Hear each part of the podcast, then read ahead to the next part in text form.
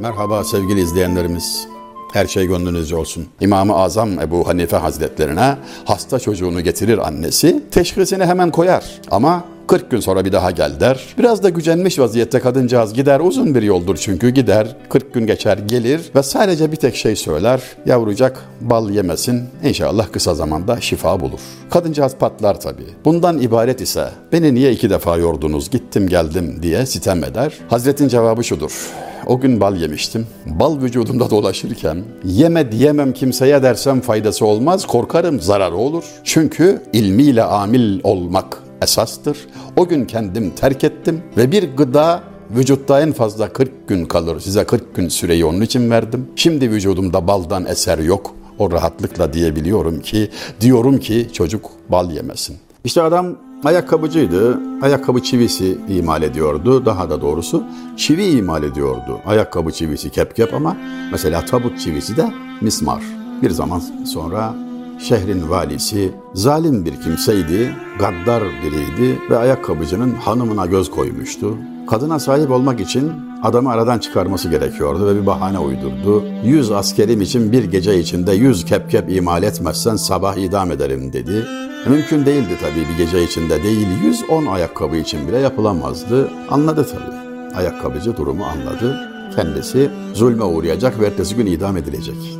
Gece boyunca sadece dua etti. Hanımına da durumu söyledi. Bu zalim dedi. Kararı vermiş maalesef. Yapacağımız bir şey yok. Cezasını Allah'tan bulsun. Ve nihayet korkulan oldu. Tan yeri ağrırken kapı çalındı. İki görevli gelmişti. Silahlı ve götüreceklerdi. Hanımıyla helallaştı. Kapıyı açtı ama gelenlerin yüzündeki ifade farklı. Şaşırdı.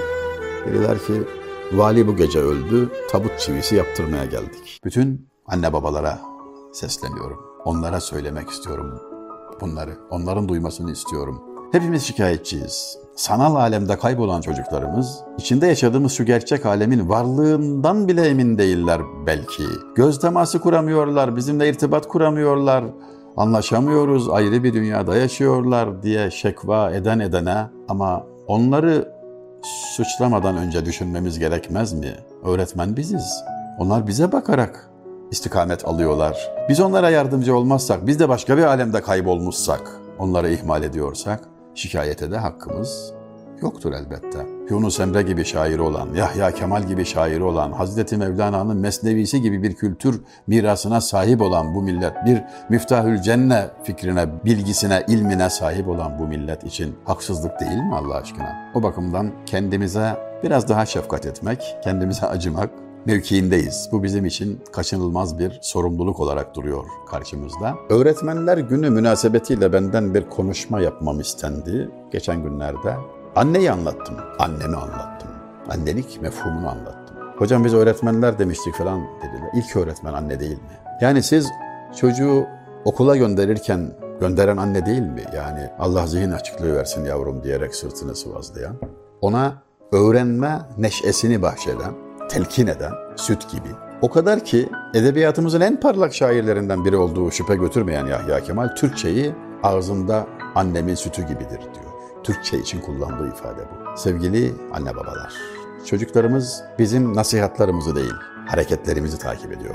Kalimize değil, halimize bakıyor. Adam gariban idi, Horasan'a gelmişti. Kimsesiz olan, garip olan, gittiği yeri tanımayan insan çok zorlanır, etrafa garip garip bakar, bilmezlik körlük gibidir derler. Onun o garip tavırları dikkat çekiyor. O gece yapılmış bir hırsızlık sebebiyle polisler aradıklarını bulduğunu düşünüp onu içeri alıyorlar. Herhalde bu hırsız olsa gerek, çok şaşkın dolaşıyordu diye. Halbuki hiçbir alakası yok, gariban. Cezaevinde de habire ağlıyor.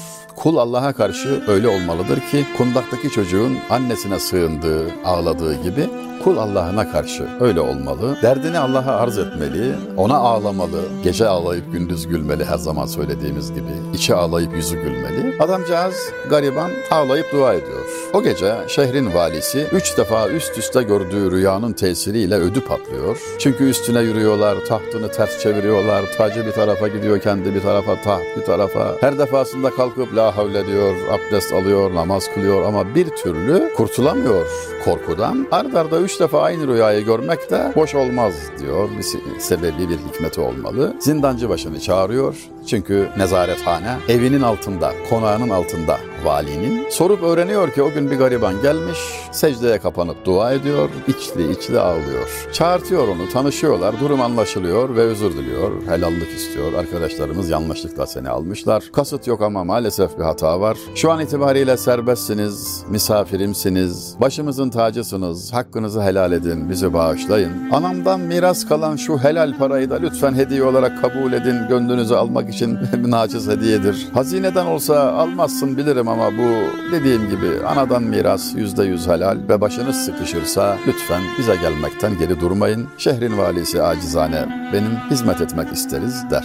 Yani üç talep var. Bir, hakkını helal et. İki, hediyemi kabul et. Üç, başın sıkışırsa gel. Cevabı şu olur o güzel insanın. Vali Hazretleri hakkımı helal ettim müsterih olun. Dünyada ahirette bunu dava etmem. Yanlışlıkla olmuş. Hediyenizi kabul etmesem güceneceksiniz. Onu da aldım kabul ettim. Müsterih olunuz ama başın sıkışırsa gel dediniz ya onu yapmam. Neden kırgın mısınız diye sorar vali. Hayırdır kırgın değilim ama benim gibi bir gariban için koskoca valinin tahtını üç defa tersine çeviren Allah var. Ben başka kapı çalmam der. Sen uzaktan bakarsın, ateş yakmışlar ve etrafında dönüyorlar, kamp yapıyorlar, oynuyor insanlar. Dünya bunlara güzel, neler çekiyoruz biz burada diye hayıflanırsın onlara. Hafif tertip belki kızarsın da ama yaklaşınca görürsün ki yanılmışsın. Adam harmanı yanmış da söndürmek için dönüyor etrafında, pervane olmuş. Yani adamın kahrını, davulun sesi uzaktan hoş gelir derler ya ona benzer bir durum. İşte buna çok benzer. Bunu çok daha acı bir örneğini bizzat yaşadım. 1970'li yıllardaydı. Yaz tatilinde evime geldim. Babam arzu halcılık yaptığı için zaman zaman derdini anlatmaya gelen müşterileri eksik olmazdı. Bunların bir kısmı yakınlık, akrabalık, tanışıklık sebebiyle e, yazıhane yerine eve gelip evde de dert anlattıkları çok olurdu. Onun derdi dinlenirken gelen müşteri bir kadıncağız idi. Derdini anlatırken fazlaca e, sızlandı. Yani hakikaten de kolay değil. Çok acı çekiyor. Efendim yuvası dağılmış. Çocuklarla ilgili bir sıkıntı var. Mal ile ilgili sıkıntılar var. Dünya daralmış kadıncağıza. Epey de e, hayıflanıyor. Ne yapacağını düşünüyor. Çare arıyor filan. Bu arada evde misafir olarak bulunan çok yaşlı bir teyze vardı. Sessiz, sessiz bir kenarda dinliyordu. Hiç karışmadan aşağı yukarı kadıncağızın yarım saat süren sızlanmalarını, şikayetli şekvalarını dinledi ve sonra kızım olur dedi. İnsanın başına neler geliyor dedi. Bundan 50 sene önce evimi yaktılar. 5 çocuğum gözümün önünde evin içinde döne döne yandı. Hiçbir şey yapamadım. Günlerce küle belendim. Külden çıkamadım. Oradan ayrılamadım. Eğer o gün ölüm satılsaydı bir yerde her şeyimi verir alırdım. Ama bak görüyorsun ki o ızdırap, o acı da bitti de bugün nefes alıyoruz, bugün hayat devam ediyor. Sabret kızım dedi. Şimdi insan kendi halini elbette daha çok hissettiğinden hep o açıdan bakıyor. E, ağlıyorsa herkesi ağlar gibi görüyor. E, neşeliyse herkesi öyle zannediyor. Veyahut da beklentisi o oluyor. Ama empati dediğimiz şey de bu değil mi zaten? Bir de onun yerine geçip onun gözüyle bakabilmek. Onun önceliklerini acaba derdi ne? O neden böyle düşünüyor? Katılmanız şart değil. Katılmayabilirsiniz. Ama onun neden öyle düşündüğünü ve neden öyle hissettiğini anlamak çok kıymetli bir insanlık değeri. Üzerinde durmak lazım. Buna çok ihtiyacımız var. Çünkü günümüz insanının eğer biraz ona fırsat verir 3-5 dakika dinlerseniz günümüz insanının hemen hemen tamamında kendisini anlayacak, dinleyecek insan bulamama sıkıntısı var. Ebu Bekir Şibli Hazretlerini çok seven bir fırıncı vardı. Ömrü boyunca onu andı, özledi, ah dedi bir görsem tanısam ve bir gün dükkanına doluştu esnaf. Girip çıkan müşterinin arkasından geldiler. Gözün aydın hayırlı olsun filan dediler. Adamcağız ne oldu neyi kutluyorsunuz? Ebu Bekir Şibli geldi özlüyordun ya senelerdir yanıp yakılıyordun ya işte biraz önce çıkan oydu dediler. Eyvah dedi. Çünkü o gelen kişi Allah rızası için diyerek bir ekmek istemiş ve fırıncı vermemiş. Hadi Allah versin demiş göndermiş. Cimrilik etmiş. Pişman oldu. Gitti Ebu Bekir Şibli Hazretleri'nin ayağına kapandı. Affını istedi. Gafillik ettim, cahillik ettim beni affedin dedi. Yalvar yakar bir ziyafete ikna etti ve çiftliğinde muazzam bir ziyafet tertip etti. Herkesi davet etti. Çok büyük, masraflı, gösterişli bir yemek. Yemeğin sonunda Ebu Bekir Şibli Hazretleri tabii baş misafir olarak yanında oturuyor ve dua edecek. Duadan sonra dedi ki, emeği boşa giden birini görmek isteyen fırıncıya baksın. Allah için bir yufka vermedi, Ebu Bekir Şibli ile yemek yedi desinler diye avuç avuç altın harcadı. Vah dedi, boşa gitti.